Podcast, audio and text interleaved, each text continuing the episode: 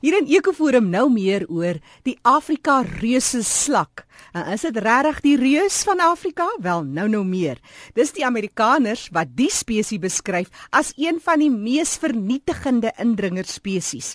Dis veral huiseienaars wat deurloop onder die slak en hulle sê dis as gevolg van die slak se aktiwiteite dat daar baie beskadiging is aan hulle motorbande, aan grasnyers se lemme en dan die slijm wat hulle agterlaat lyk glad nie mooi op sy paadjies en buitemure nie. Ek gesels hieroor met dokter Willem Zirgel. Hy is 'n voormalige dosent by die departement zoologie van die Universiteit van Stellenbosch.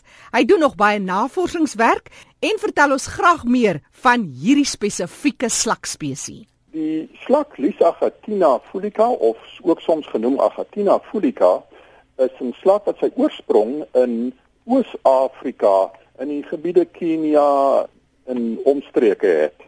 Hierdie slakke uh, het op een of ander manier ook op Madagaskar geland. En van daar is hulle versprei na Mauritius toe. Nou daar is 'n interessante storie oor uh daar is geglo dat hierdie slakke dieselfde eienskappe sou hê as hulle geëet word wat deesdae aan renosterhoring uh, toegeskryf word dis het die goewerneur van Mauritius uh 'n skip gestuur na Madagaskar om 'n klompie van die slakke te gaan haal en te bring vir hom. Nou ja, vir sy eie voordeel sluit wat mas stel. Ja. En hulle daar vermeerder en toe het 'n verbygaande wetenskaplike van hierdie slakke geneem tot in die destydse Ceylon, Sri Lanka nou. En ook Indië en die slakke daar binne 'n paar jaar 'n hewige landboukundige of tuinboukundige pes geword en hulle het mettertyd ook vir, uh, verder versprei na die eilande Java en die plekke waar hulle so groot pes geword het dat die mense alles in hulle vermoë probeer doen het om van hulle ontslae te raak. In een geval het hulle byvoorbeeld 'n skeepsvrag vol slakke gem uh, laai en dit die diepsee ingevat, daar oorboord gegooi en 24 uur later was die slakke weer aan land gewees in. Heel gelukkig terug in die tuine. Rarig. Kan dit ja. die slakke dan in water ook oorleef? O ja, o ja, ja, hulle kan vir baie lang ure in water uh oorleef as hulle terugtrek uh in die dop en so voort snaaks genoeg 'n mens dink aan slakke as as goed wat in klam weer leef maar hulle kan droogte sowel as water afhangende van die spesies natuurlik redelik goed oorleef.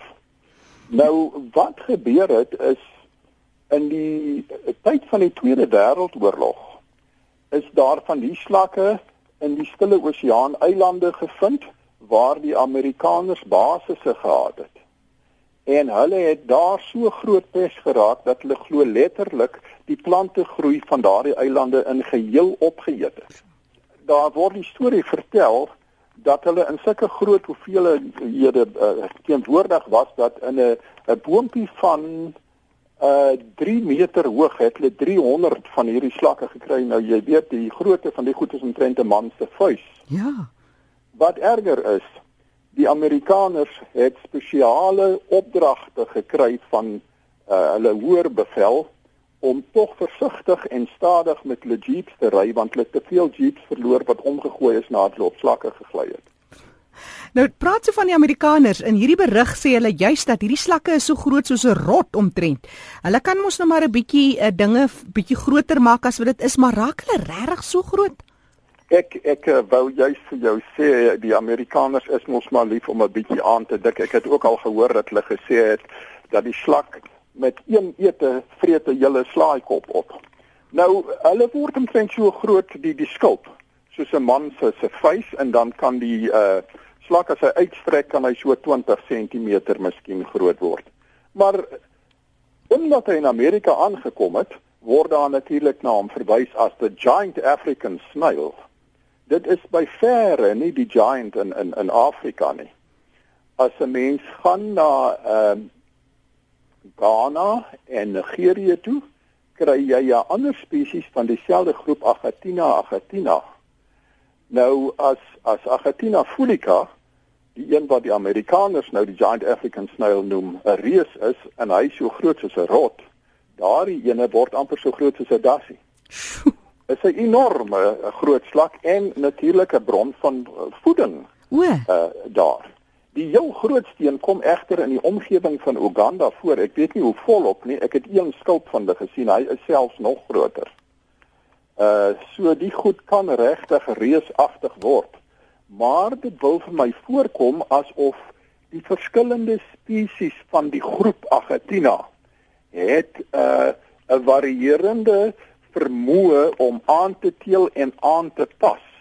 Hierdie Agatina fulica wat nou so om die wêreld versprei het, eienaardig genoeg, het sy gewoontes verander. Hier in Afrika leef hy op die grond en vir lang uh, periodes uh, van die dag uh grawe hulle onder die grond en hulle kom eintlik uh, hoofsaaklik snags uit en dan goed op 'n bewolkte dag en reënerige dag. Maar hulle is eintlik net onder die grond waar hulle bly. Hmm. Toe hulle versprei het na die eilande toe daar in die ooste, het hulle boomklimmers geword. Heeltemal hulle uh maniere verander en kon so aanpas. Daar was seker uh ander uh vereistes gestel aan hulle daar. Sjoe. Praat nou van die aanteling in hierdie berig praat hulle juis van hierdie spesifieke een wat hulle nou die Afrika reuse slak noem kan tot 1200 eiers per jaar lê. Jackie, ehm um, kyk in Suid-Afrika het ons omtrent so 44 spesies van Agatina van wisselende grootte. Nou een van hulle wat hier by uh Port Elizabeth rond voorkom, uh is Agatina 'n zebra. Uh, baie mense praat van mos die zebra slak. Ek dink mense het gesien dit sou nou presies weet waarvan ek praat. Uh ek het by hulle een keer ene gevind wat in die slak was daar 340 eiers wat reg was vir lê.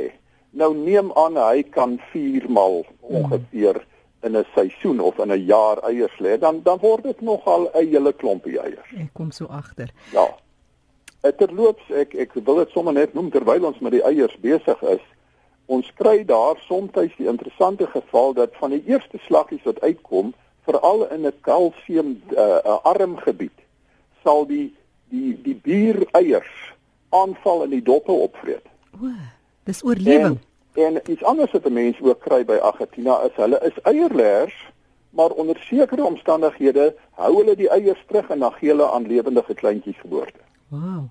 So daar's baie interessanthede omtrent hierdie spesifieke Agatina Agatina. O ja, nee, oor Agatina kan ons twee weke lank gesels. Net baie kortliks as 'n mens so kyk na slakke, uh, daar's ook groot vrese dat daar siektes en so meer kan oorgedra word na die mens. Is dit so? Man, kyk, uh slakke is uh bekend as tussengasheere vir parasiete. Mm. Nou 'n mens wil dit nou nie oorbeklem toe nie. Daar is al stories en ja, daar is tog al uh gevalle gewees waar mense van hierdie slakke geëet het. Daar was onlangs trouens in Australië. Ek weet nie waar die man aan die slak gekom het nie, want Australië is mos nou baie streng veral met die beheer van slakke.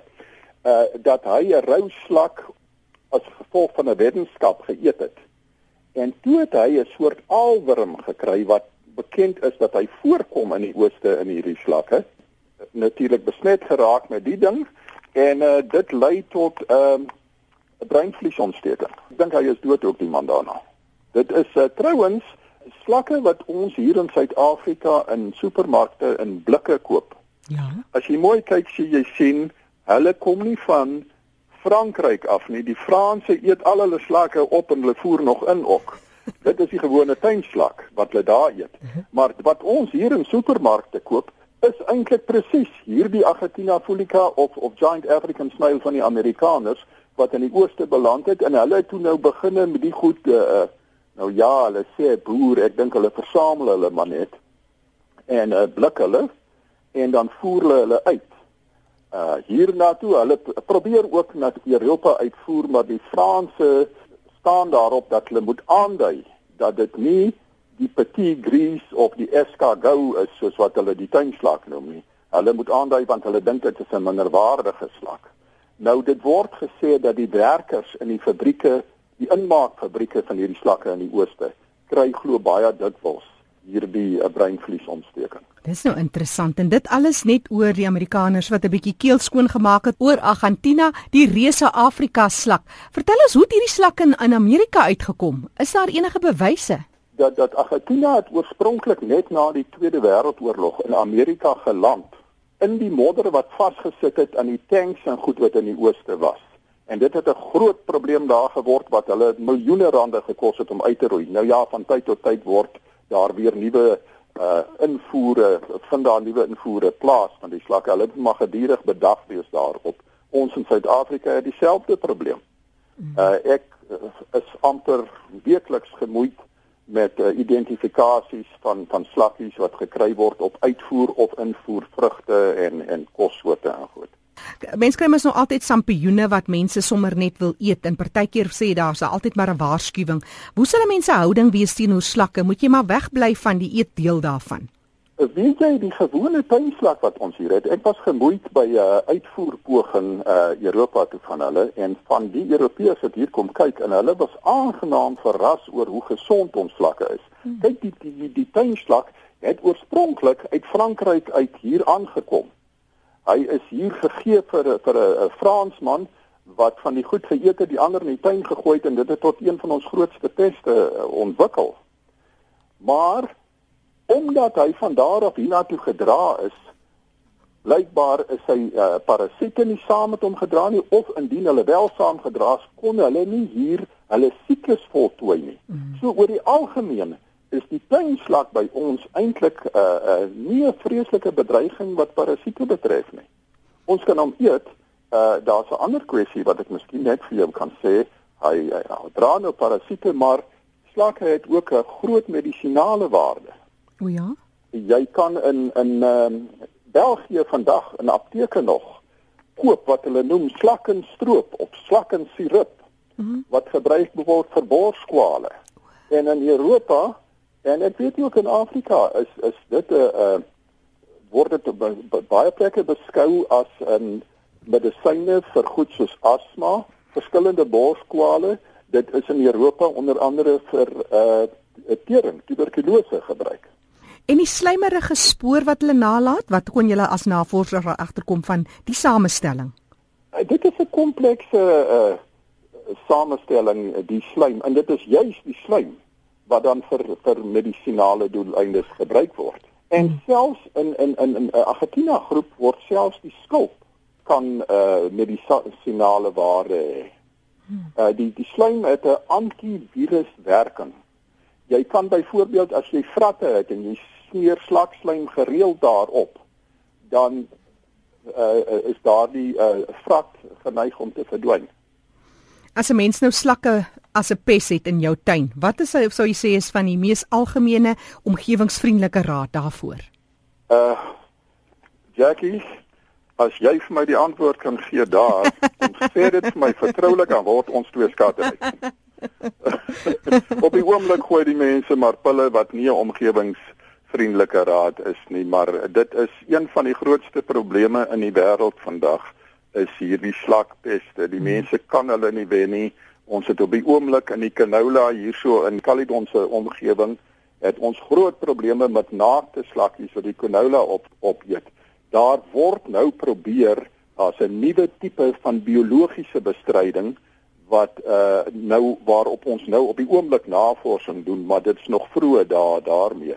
Daar was ander biologiese metodes in die verlede, maar dit het tot katastrofes gelei dit is 'n baie baie gevaarlike speletjie hierdie biologiese bestryding.